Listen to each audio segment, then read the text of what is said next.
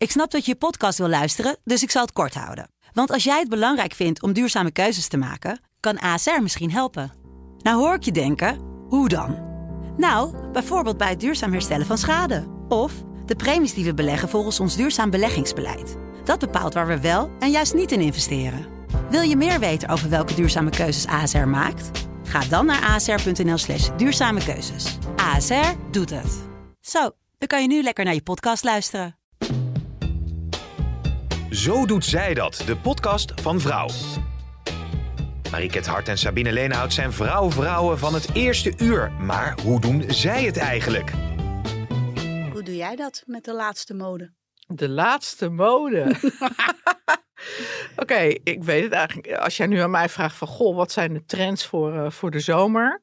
Nou ja, dat zou ik natuurlijk moeten weten, want ik heb de trends eh, bestudeerd uh, die in vrouw verschijnen ook. Ja. In het thema nummer mode. Ja. Maar er is eigenlijk alleen maar blijven hangen dat we veel felle kleurtjes gaan zien. Oh. En ga jij die ook dragen? Felle kleuren? Nou, dat zou zomaar kunnen. Maar of ik die opnieuw aan ga schaffen, is vraag 2. Ja. Want ik kan wel zeggen dat ik niet de laatste mode volg. Ik volg gewoon alle jaren 25 wat ik zelf mooi vind. Ja, maar. Of 30. Is het niet zo dat je onbewust toch wordt beïnvloed door het straatbeeld daarin? Als je bijvoorbeeld hebt, dan zie je ineens weer iedereen in skinny jeans. Dan zie je iedereen weer ineens met flirtpijpen. Ja, maar uh, ik vind al twintig jaar dat, ik, dat mijn benen er raar uitzien in skinny jeans. Dus die koop ik gewoon niet. ja. ja. En uh, ik vind uh, wijd uitlopende pijpen, bell bottoms, ik weet wel hoe het allemaal heet natuurlijk, mm -hmm. vind ik op mijn bodytype uh, al heel lang veel leuker. Dus zodra zoiets te koop was, en ongeacht of dat nou mode werd of niet, dan kocht ik het, als ik het nodig had. Ja, vind je van jezelf dat je een bepaalde stijl hebt? Um, ja, maar ik zou niet meer weten hoe ik die moet omschrijven, want, want die is wel fluide die ja. stijl. En, en, en verandert je kledingsmaak ook naarmate je ouder wordt? Nee, het verandert. Uh, het is de laatste keer veranderd omdat ik nieuwe verkering kreeg. Oh. En die verkering die, uh, uh, is veel ingetogener dan ik. En naast uh, mijn ex maakte het gewoon niet uit. Weet je, dan kocht ik paarse jassen met bontkragen. En uh, maakte gewoon helemaal niks uit, want die vond alles leuk en grappig. En Maarten vindt dingen ook wel leuk en grappig, maar ik merk gewoon naast hem dat als ik er super opvallend uitzie, wat ik af en toe echt wel uh, uh, kan doen, dan voelt hij zich een beetje bekeken. En dat is niet mijn bedoeling van mijn outfit. Oké, okay, dus je pas je eigenlijk aan aan wat hij mooi vindt? Nee, niet aan wat hij mooi vindt, maar aan wat er gebeurt op straat. Dus er is een verschil in wat ik nu, uh, uh, terwijl ik overigens, als je me vandaag uh, ziet met mijn tijgerjas eh, die ik nu draag, die is ook weer super opvallend. Ja, ik, ja, misschien lul ik ook wel uit mijn nek. Ik weet het eigenlijk ja, niet. ik zou het wel een beetje zorgelijk vinden ja. als je je niet meer opvallend durft te kleden, omdat je man dat niet mooi vindt. Nee, maar hij vindt het niet, niet mooi. Dat is het niet. Mm -hmm. Ik maak me plaatsvervangend uh, denk ik, oh, er komt zoveel aandacht naar ons toe. Weet je wat ik denk, nu ik er beter over nadenk? Dat het een beetje met de dood van zijn zoon te maken heeft. Want vanaf dat moment waren wij helemaal in ons dorp mensen die bekeken werden. Oké. Okay. En, en daar had ik niet altijd zin in. Nee, dat snap ik. En dus het ligt niet per se aan hem, maar wel aan wat er gebeurt als ik met hem over straat loop. Ja. Daar ligt het aan. En misschien dat dat in een dorp ook wel anders is dan wanneer je weer in Amsterdam zou wonen. Ja, ja, want er is wel een verschil. Want als ik hier naartoe ga, uh, afgelopen zaterdag uh, had ik afgesproken met Tessa Koops, de modeontwerpster. Ja. Nou, die is altijd uh, uitbundig gekleed. En ik heb haar leren kennen omdat ik haar kleding kocht. Mm -hmm. En dan, dan zijn er geen restricties in wat ik aantrek. En ik voel me er nog steeds net zo prima in als dat ik een paar jaar geleden deed. Ja. Dus daar is inderdaad wel een verschil. En jij? Nou, ik merk wel dat ik een beetje onbewust dat ik me toch wat anders ga kleden dan vroeger. In die zin dat ik niet meer zoveel t-shirts met schreeuwerige teksten of zo uh, draag. Wat ik dan uh, een aantal jaar geleden nog wel deed. Ja. En dat ik nu toch wat meer blouses koop of zo. Uh, ja, en ik koop eigenlijk minder kleding, maar wel kleding die wat langer meegaat. Oh ja. Ik heb nu bijvoorbeeld heb ik vandaag een, uh, een grijze jumpsuit aan van uh, Studio Anneloes. Ja. Die heb ik denk ik vorig jaar gekocht. En nou, die ziet er eigenlijk nog steeds heel mooi uit. Dus dat is ook het voordeel daarvan. Dat het gewoon, wat ik al zei, dat het wat langer meegaat. Ja, ja ik probeer daar toch wat duurzaam in te zijn. Aan de andere kant vind ik dat ook wel jammer want ik vind het wel altijd heel erg leuk om nieuwe kleren te kopen. Ja, ja.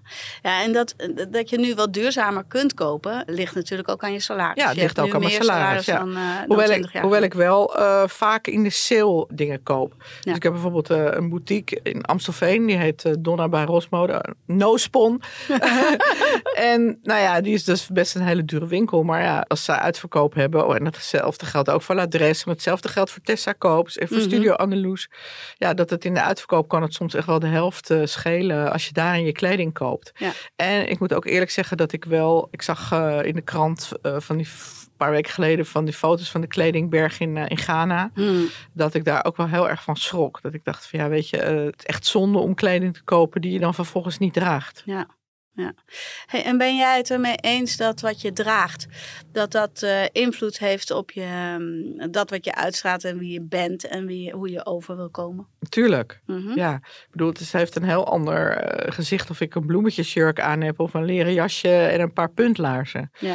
Het grappige is dat ik, toen de kinderen klein waren, heb ik mezelf aangeleerd om de avond daarvoor mijn kleding klaar te leggen, zodat ik daar, dat scheelt tijd. Ja. Maar soms word ik ochtends wakker en dan denk ik, oh, maar ik ben eigenlijk niet in de, in de stemming voor een jurkje. Ik ben meer in de stemming voor een spijkerbroek. Oh ja. En dan wissel ik het toch nog om. Ja, dat hey, en koop jij alleen kleding of met vriendinnen of met Maarten? Ja, meestal toch wel alleen. Ik vind dat wel fijn. En ik vertrouw ook wel op mezelf als ik in de spiegel kijk. Ja. Uh, alhoewel, heel soms komt het wel eens voor dat iemand uh, zich dan afvraagt waarom ik uh, die bepaalde broeken aan heb. En dat zijn dan wel vriendinnen die dat zeggen. Want nou, die zit toch wel een beetje strak of een beetje los of een beetje opvallend of weet ik veel wat. En met Maarten koopt hij zijn eigen kleding of doen jullie dat samen?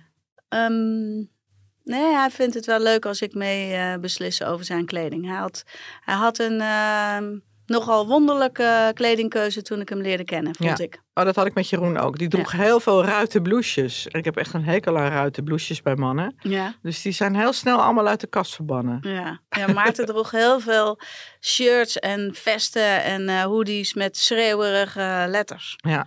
En dan vond ik die, uh, de befaamde uh, Superdry uh, shirts, dat vond ik dan nog wel leuk, omdat dat merk nog wel cool was. Als je dan toch letters wil dragen. Maar van die, weet ik veel, van die Italiaanse teksten en raceachtige mode. Weet je, het zat een beetje in die kakkerige hoeken. In diezelfde winkels waar je de rode broeken koopt. Ja. Daar hebben ze ook van die letter shirts met dan een, ja, nou ja, ik weet niet, niet eens zo goed hoe ik het moet beschrijven, maar ik vond dat zo suf. Maar dat hoorde ook heel erg bij, uh, bij wie hij uh, toen was. En zijn toenmalige Gooise schoonfamilie. En uh, dat hoorde daar ook in dat tijdperk. Ja.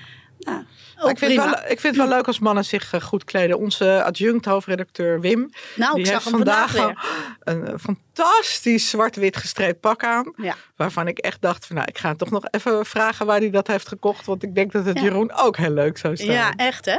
Hij is niet voor niks ooit gekozen tot best geklede uh, telegraafmedewerker. Ja, hij kleedt zich altijd fantastisch. Ja, vind ik ook. ja. En ik, ik, zeg dat ook trouwens heel vaak als ik hem zie. Ja. Oh, mag dat ook niet meer eigenlijk? Ja, ja ik wil. Hè? Ja, ik weet het eigenlijk niet. Nou ja, ik wil niet met hem naar bed. Ik wil alleen maar zeggen dat hij er goed uitziet. Zolang je geen naaktfoto's voor jezelf stuurt.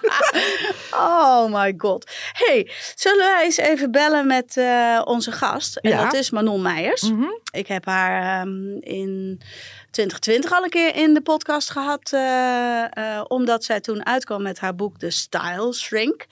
In dat boek leert zij eigenlijk de lezeres dat je dat wat je draagt, dat dat uh, je gelukkiger kan maken, bijvoorbeeld. Ja. Nou, dat, maar zij heet, zij heet ze noemt zichzelf ook Style Shrink, hè, in plaats van stylist. Ja, ja. Nou, maar dat is, ja, dat is leuk. Hallo, met Manon. Hi Manon, met Sabine. En met Marika. Hallo Sabine en Marika. Jij noemt jezelf de style shrink. Kun jij uitleggen aan, uh, aan onze luisteraars uh, wat jij daarmee bedoelt? Nou, ik vertel het ook wel eens als, uh, ik noem het ook wel eens stylistoloog. omdat ik het eigenlijk heel erg zie als een kruising tussen een stylist en een psycholoog. Omdat ik heel erg geloof dat je kleding zoveel meer is dan alleen maar lichaamsbedekking. Mhm. En ik vond de style shrink ehm, natuurlijk een beetje Amerikaans, een beetje slang voor psychiater, vond ik gewoon grappig klinken. Dus zodoende. Ja, ja, daar hebben wij het natuurlijk al een keer over gehad. ehm, eh, maar jij legt in je boek eh, bijvoorbeeld echt wel uit hoe je kleding een positieve bijdrage kan eh, leveren aan je totale levensinstelling, bijvoorbeeld. Ja, absoluut. Ik geloof er echt heilig in dat als je het, dat wanneer je het goed doet, je jezelf ook echt gelukkig kunt kleden. En ik denk dat misschien wel de allergrootste leugen die we elkaar wijsmaken en onszelf ook, is dat, eh, dat kleding heel erg oppervlakkig is. Mhm. En ik denk dat doordat we daar zo angstvallig gaan vasthouden, dat ze maar steeds, steeds maar blijven roepen van, ah joh, het maakt niet uit, het is maar kleding en eh, pff, stel je niet zo aan, het is maar oppervlakkig. Daardoor houden we juist iets, ehm, doen we onszelf eigenlijk elke dag een beetje tekort. Omdat als die basis niet goed is, die, die, je kleding niet goed is, heeft dat invloed op, op je hele dag. En dat zeg ik niet als, eh, ehm, als modemeisje die daar... eh, die daar voordeel van heeft Mhm. door dat te zeggen. Maar dat is gewoon echt wetenschappelijk onderzocht en ook bewezen. Sterker nog, als je jezelf niet goed kleedt, kun je ook tijdelijk bijvoorbeeld dommer worden. Of gewoon echt minder lekker in je vel Dommer worden. Hoe dan? Dommer worden. Nou, wat ze bijvoorbeeld hebben onderzocht, is dat eh, vrouwen tijdelijk dommer kunnen worden wanneer ze hun badpak of een bikini dragen.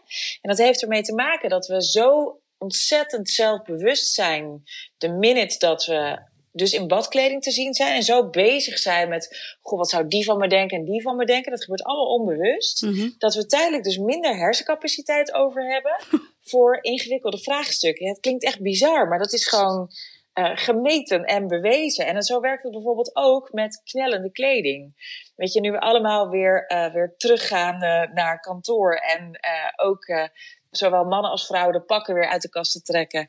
En we ook weer in knellende stiletto's rondlopen. Mhm. Is het heel belangrijk om continu er bewust van te zijn dat alles wat niet lekker zit, je gewoon tijdelijk hersencapaciteit kost. En die je dus anders had kunnen besteden Ja. aan eh, interessantere dingen. Maar ja, op, in sommige kantoren eh, wordt het wel verwacht dat vrouwen stiletto's dragen. En kan je eigenlijk niet op gimpen aankomen zetten. Nee, dat is helemaal waar. Maar dan denk ik nog steeds eh, dat je bijvoorbeeld zou kunnen kijken naar wat dan bijvoorbeeld voor jou de ideale hakhoogte is. Dan zijn daar nog steeds nuances in te bedenken. En kun je bij wijze van spreken misschien denken, onder mijn bureau schop ik ze uit en heb ik een, eh, een, een lovertje of wat dan ook klaarstaan. Er zijn natuurlijk altijd wel alternatieven. Maar eh, ja, wellicht als het in het bedrijfsleven ook duidelijker wordt dat sommige dingen gewoon minder goed werken. Misschien wel leuk ogen, maar minder goed te doen qua prestatie. Dat, we- dat we daar ook eh, verandering in aan mogen brengen. En hoe weet je nou wat bij jou past? Ja, dat is een hele goede vraag. Ook daar hebben we lang mysterieus over gedaan.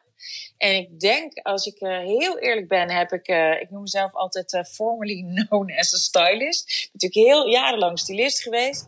Ik heb ook een eh, tijdje eh, echt als eh, modepolitie opgetreden. Mhm. En nu zeg ik eigenlijk gekscherend, je hebt in je omgeving, heeft iedereen allemaal modepolitie. En aan de ene kant zijn het soms de bladen, soms zijn het stylisten, soms zijn het ontwerpers. Soms houden we het als vrouwen en mannen onderling ook met elkaar heel erg in stand. Eigenlijk zijn je ouders als klein kind al vroeger je modepolitie.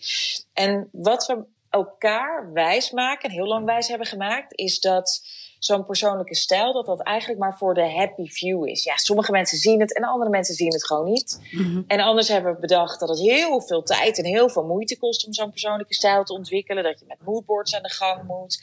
Of misschien wel iemand ervoor in moet huren. Of jarenlang door trial and error en naar de ene miskoop en de andere miskoop gedaan te hebben. Dat je eindelijk op een ochtend licht ziet.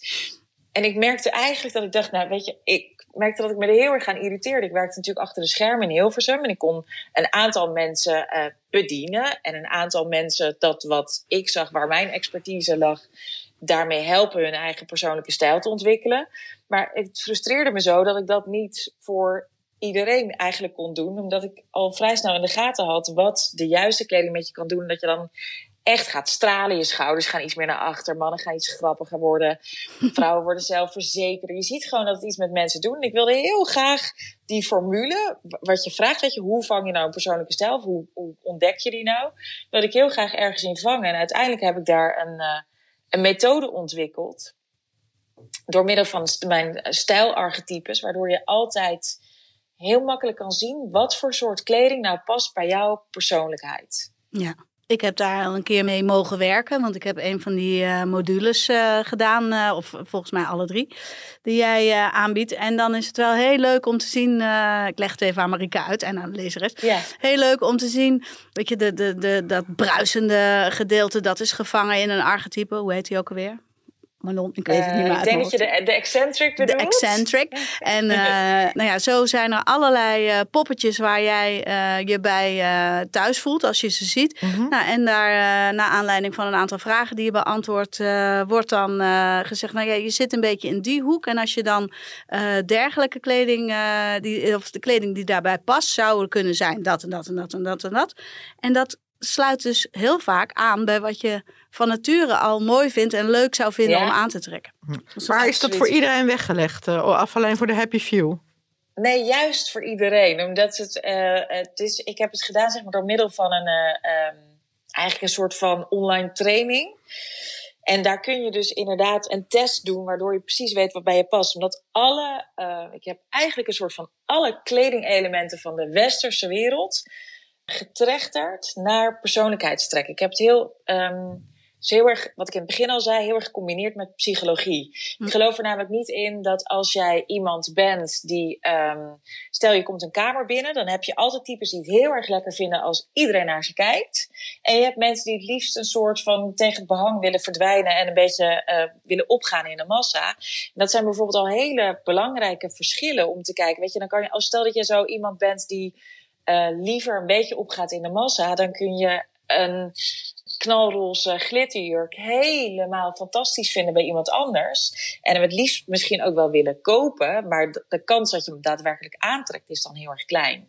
En het leuke van die stijlarchetypes is, ik denk dat wat het voor heel veel vrouwen moeilijk maakt om een eigen stijl te zoeken, is dat we altijd denken dat we maar één ding mogen. De vraag die ik bijvoorbeeld vaak krijg is van, ik raak heel erg in de war, want ik hou en van hakken en van gimpen. Welke van de twee ben ik nu? Mm-hmm. En het mooie is, omdat ik eigenlijk zeg, je mag allemaal, of je kunt allemaal het beste met drie stijlarchetypes werken. Die gooi je elke dag met elkaar in de mix, naar gelang van hoe je je voelt. Daar komt weer die aansluiting met die psychologie. En daardoor hoef je nooit zo super zwart-wit het een of het ander te kiezen. Maar omdat je binnen die drie blijft, heb je wel nog steeds laat je elke dag een beeld naar buiten zien. Wat wel voor mensen herkenbaar is. Waardoor ze hm. denken van, hé, hey, dat is echt Marieke. Of hé, hey, dat is echt Sabine. En dat is, denk ik, wat we uiteindelijk allemaal graag willen. Ja. En wat is nou echt Manon? Uh, echt Manon is, uh, ik ben uh, dan de stijlarchetypes innovator, lover en urbanite. En de innovator is een beetje type, dat past heel erg zeg maar bij mijn mode-minded uh, achtergrond. En dat, die is eigenlijk een beetje van, nou kijk, kijk mij het is snappen. Die is een beetje uh, architecturaal. Ik zeg het ook met een vette knip op. Ik denk dat dat namelijk heel veel modemensen eigen is. Maar um, beetje architecturaal. Dus uh, daar kan af en toe iets asymmetrisch in zitten. Of daar zitten geen drukke logo's op. Dat is gewoon al heel erg clean. Een beetje wat je die, die Franse redactrices mm -hmm. bij de Vogue allemaal ziet doen. Een beetje dat gevoel. En de lover, die is wat uitbundiger. Die wil heel graag de vrouwelijkheid laten zien. Ik hou bijvoorbeeld ook heel erg van hakken. Kan, ik heb bijna altijd een rode, rode nagel. Soms kan een stijlarchetype ook heel subtiel verwerkt zijn in je, in je look. Dat maakt het zo fijn en daardoor kun je het zo goed uitbalanceren. En ik heb dan ook nog de Urbanite. En grappig genoeg, waar die Innovator absoluut een, een hele erge soort van uh, antiversie tegen uh, logo's heeft, is die Urbanite is echt alsjeblieft. Geef me logo super groot op mijn t-shirt. Ik wil dikke Nikes eronder. Weet je dat, ik noem het maar een beetje de, de Sport Spice 2.0. en doordat, ik snapte nooit zo goed van mezelf. Van waarom wil ik nou aan de ene kant zo, het allemaal zo clean mogelijk. En ben ik aan de andere kant in één keer zo schreeuwerig. En nu ik eigenlijk door middel van onderzoek en toen ik die stijltest uh, ontwikkeld heb, erachter kwam van hé, hey, wat grappig. Het kan dus wel allemaal bij elkaar. En je raakt er gewoon veel minder door in de war. En je, je mag in één keer veel meer of zo. Dat maakt het voor mij ook echt heel leuk. Ja. En dus daar heb je zelf nog wel het meest van geleerd. en zou jij voor de lezeres met een kleiner budget, heb jij, heb jij dan tips hoe je toch in je eigen stijl kunt blijven, maar het een beetje voordeliger uh, doet allemaal? Ja, volgens mij is het het meest uh, budgettechnisch gezien verantwoord en ook het meest duurzaam als je eerst gaat onderzoeken wat je eigen stijl is. En dan mhm. misschien niet, zoals ik in het begin zei, weet je, zoals we dat vroeger leerden.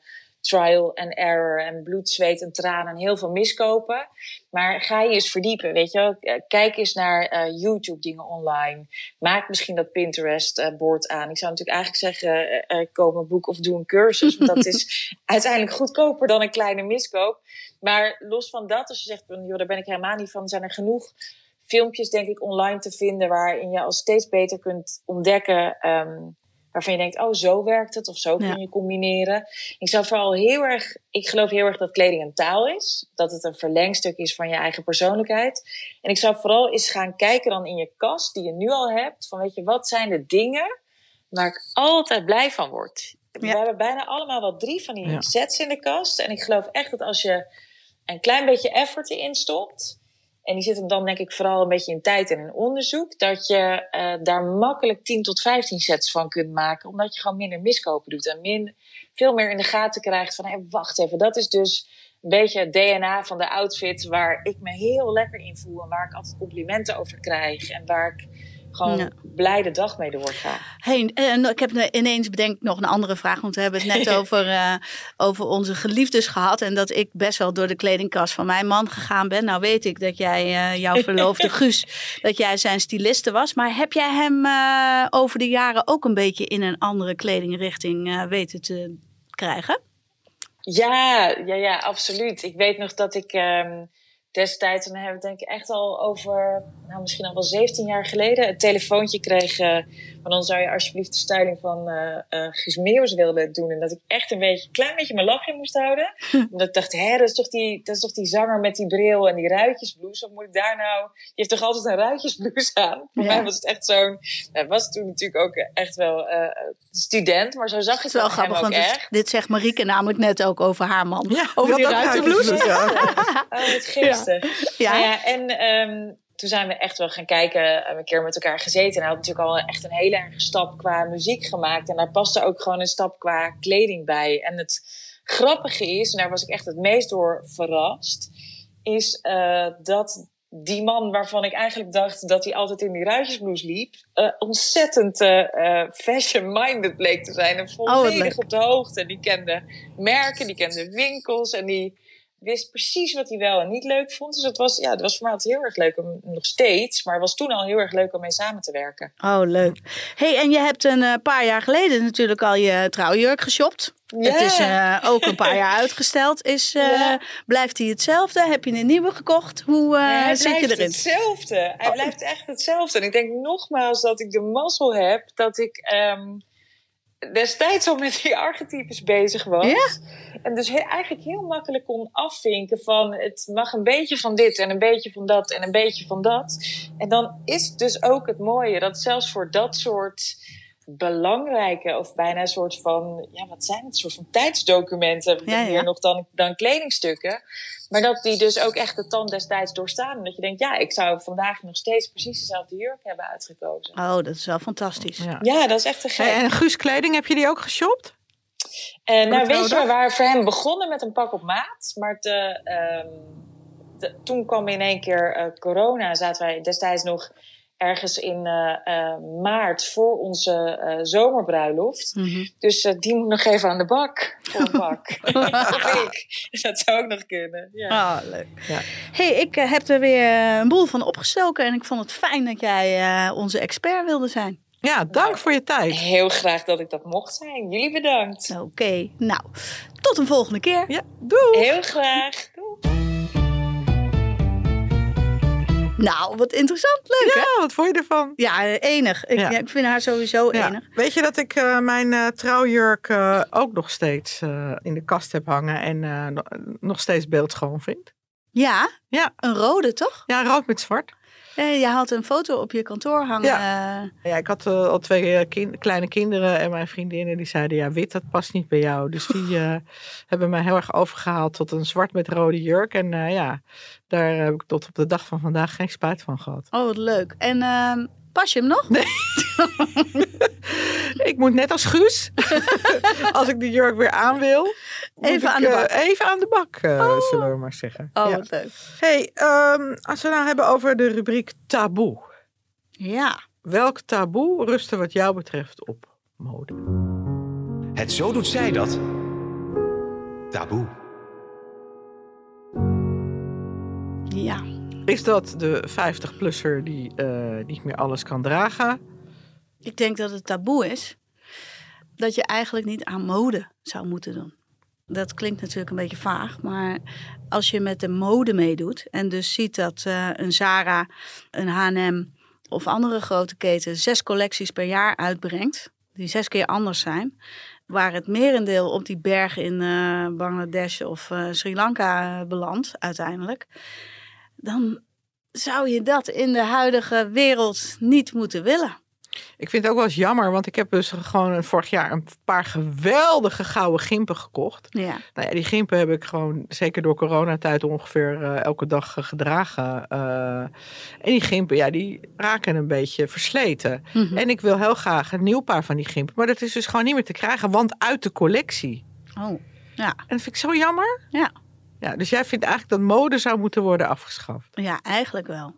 Ik weet trouwens dat Manon hetzelfde zegt. Hè? Ja. Want ik, ik heb haar eerder geïnterviewd en ze heeft hetzelfde. Het was de kop uh, boven haar interview. Dat uh, mode, wat haar betreft, afgeschaft kon worden. En dat het nog steeds wel leuk is dat er nieuwe kleding op de markt komt. En uh, mensen moeten er ook wel wat aan kunnen verdienen. Maar je maakt mij niet wijs dat iemand iets verdient aan een t-shirt van 2 euro. Ja, dat kan eruit. Oké, okay, nou, ja. een, een en dat is wel, maar dat is wel een taboe, want als ik dat tegen onze modejournalist uh, Kim uh, zeg, nou, ho, ho, ho, ho, daar gaat zij niet aan. Ja, maar dat snap ik wel. Ik bedoel, dat is hetzelfde als mensen tegen mij zeggen, print is dood. Ja, ja, ja. Alle tijdschriften moeten online worden gemaakt. Dan zeg ik ook, ho, ho, nee, nog lang niet.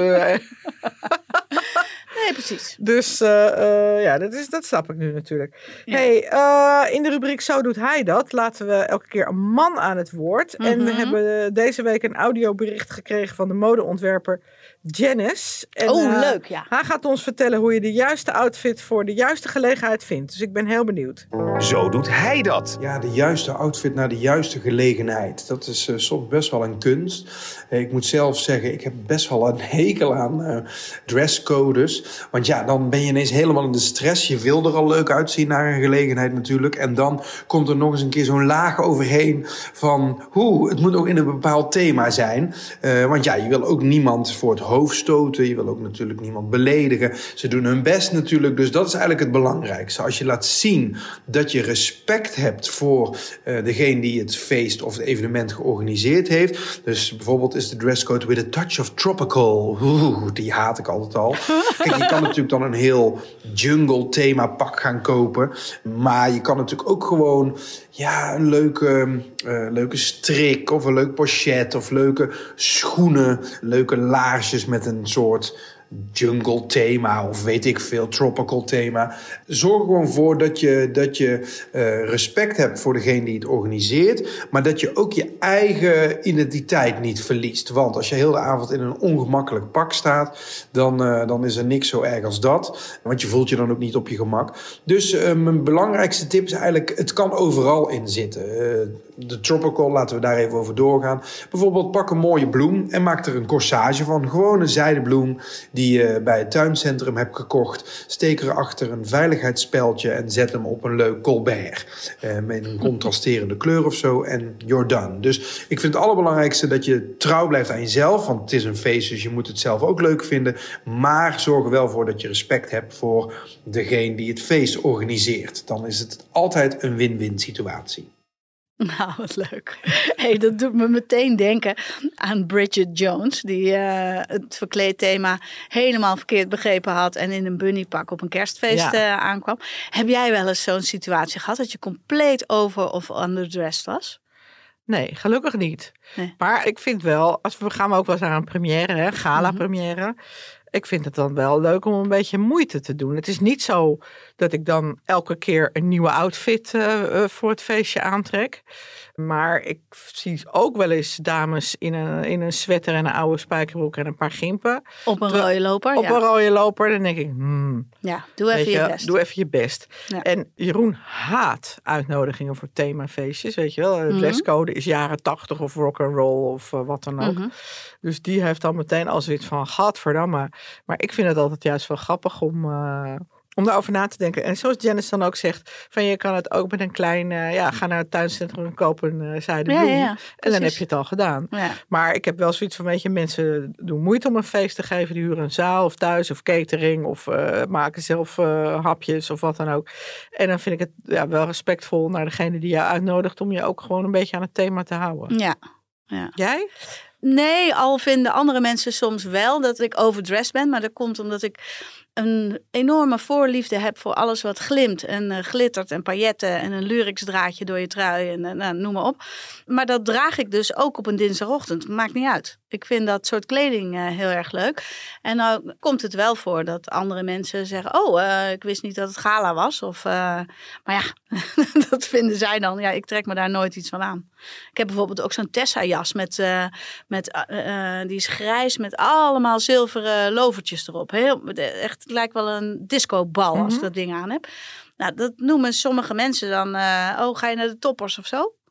Maar ik vind dat echt super grappig en leuk eruit zien. En eh, ja, ik, ik vind het alleen vervelend worden als je de host bijvoorbeeld eh outshined. Ja. Dus ik zal niet naar een bruiloft gaan in een jurk die meer aandacht vraagt dan de jurk van de bruid. Daar heb ik wel respect voor. Maar ehm, nou, verder eh, kan het niet gek genoeg. Toch? vind ik ook. Oké, eh, Sabine, Ja. heb je nog wat op te biechten? Opgebiecht. Ik ben er inmiddels eh, wat minder blij mee, want ik ga verhuizen naar een veel kleiner ehm, huis. Maar ik heb wel ehm 100 paar schoenen.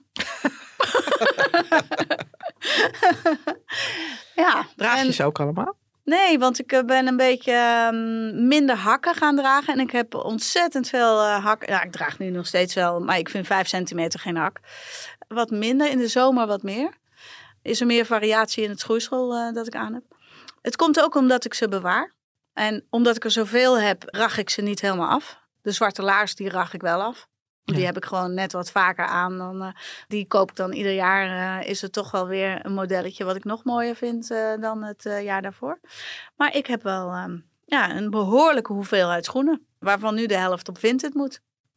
Want ik heb geen ruimte meer om het te bewaren. Shit, en hoe ga, je daar, hoe ga je daar een keuze uit maken? Oh, ja, weet ik niet. Ik denk dat ze allemaal door mijn handen gaan. En dat ik dan denk, oh ja, die kocht ik op Aruba. Ja. En, eh, maar ja, sommige schoenen die kiezen voor mij. Want eh, die vallen gewoon bijna uit elkaar als Ja. je ze uit de doos haalt. Maar ik heb ook wel eens, eh, ik had wel vroeger een collega en die zei altijd van nou, als ik kleding een jaar niet heb gedragen, ja, dan gaat het weg. ja, nou, dat vind ik knap. Dat moet ik nu wel gaan doen. Maar wat heb jij op te biechten? Want ik ben steeds degene die iets opbiecht. En uh, nou, ja, jij lekker ik stil. heb eigenlijk, eh, nee, want ik heb eigenlijk op het gebied van mode heb ik niet zo heel veel eh, eh, op te biechten. Nee. Nou, ik heb net al opgebiecht dat ik mijn trouwjurk niet meer pas. Maar goed, het is ook 25 jaar geleden. Ben je wel eens ergens uitgescheurd op een gênant moment? Nee, ik ben, nee, ik ben nog nooit eh, ergens uit. Ik ben wel een keer naar een concert geweest van het Goede Doel, waarin Henk Westbroek eh, eh, van onder tot boven uit zijn broek scheurde bij het eerste nummer en de, de hele tijd een witte onderbroek zag. Oh, ik ben... Oh, wat gênant. Oh, ik weet ook nog. Ik ben een keer eh, was ik op vakantie met mijn ouders en de zus van mijn vader en haar gezin in Portugal. Toen was ik een jaar of twaalf. Nou, mijn lichaam begon zich net een beetje te ontwikkelen. Je, nou, je weet precies hoe je je dan voelt. Toen waren we in Lissabon en daar eh, kochten we een nieuw blouseje en een eh, broekje. Dat had ik die middag of de volgende dag had ik dat aan. Maar die knopen die waren er niet zo lekker opgenaaid. Dus binnen anderhalf uur rondlopen door die stad, waren er al drie knopen van mijn blouse. Nou, ik heb me nog echt in jaren niet zo ongelukkig gevoeld. Dat kan ik me dus nu nog herinneren. Dat je dan net een beetje borstjes krijgt en, eh, eh, en dan liggen de knopen van je blouse? Ik kreeg heel vroeg borsten en ook best groot. Ja. En ik heb gewoon eh, eh, jarenlang geweigerd om een BH te dragen. ja. Ik denk echt wel tot ik een jaar of 16 was of zo. Dat ik uh, zoiets had van, nou, dat doe ik dus gewoon niet. Nee. En dan zei mijn moeder, ja, ja, als je nu geen BH draagt, mag je niet mee naar de verjaardag van tante Ans. Nou ja, ik Nou ja, zo. ook lekker niet mee naar de verjaardag van tante Ans. Op een gegeven moment, ja, dat, dat al mijn vriendinnen uiteindelijk aan het BH waren en dat ik het niet meer zo erg vond. Ja, dat is misschien wel een goede om op te biechten. Ik had dus op mijn zeventiende al een D-cup. Ja. Gingen wij naar een eh, speciale BH-winkel, was bij ons in de buurt, bij mevrouw Van Dijk. Mhm. Mevrouw Van Dijk was 100 of zo en die had een eh, zo'n hoge knot in de haar. En mevrouw Van Dijk die eh, was dan zo dat ze dan het hokje openritste terwijl Oh, ja. jij daar net stond. En die ging dan ook met haar hand die borsten in die cups duwen. Oh ja. Nou, en op een gegeven moment zei ze, nee, je hebt een D-cup. Nou, en ik weet nog, ik janken, janken tegen mijn moeder. Ik wil geen D-cup en ik doe het niet. En, eh. Maar ook omdat op, op, op die leeftijd, eh, toen ik 17 was, dat al die grote matencups, die waren allemaal hele lelijke, eh, gewoon huidkleurige BH's. Er zat niks leuks aan. Nee. En eigenlijk pas nou, de laatste 20 jaar, sinds Marlies Dekkers, eh eh, dan is het Ja. geloof ik 25 jaar aan het vak, dus Ja. 25 jaar. Sinds Marlies Dekkers en zo ehm, hebben gezien dat er ook leuke ondergoed moet zijn voor grotere, Grotere maten. maten, ja. Moet ik zeggen dat ik het niet meer erg vind om een grote maat te hebben en dat ik ook leuke lingerie aan kan. Maar dat heeft heel lang geduurd. Ja. Nou, mooi. Nou, Nou, dit uurtje was weer, eh, nou wat is het, drie kwartier? Die waren weer snel vol. ik vond het weer leuk. Ja, Ehm, tot de volgende keer. En Ja. eh, als je deze podcast eh, beluistert en je vindt hem leuk, geef hem dan een paar sterren. ja.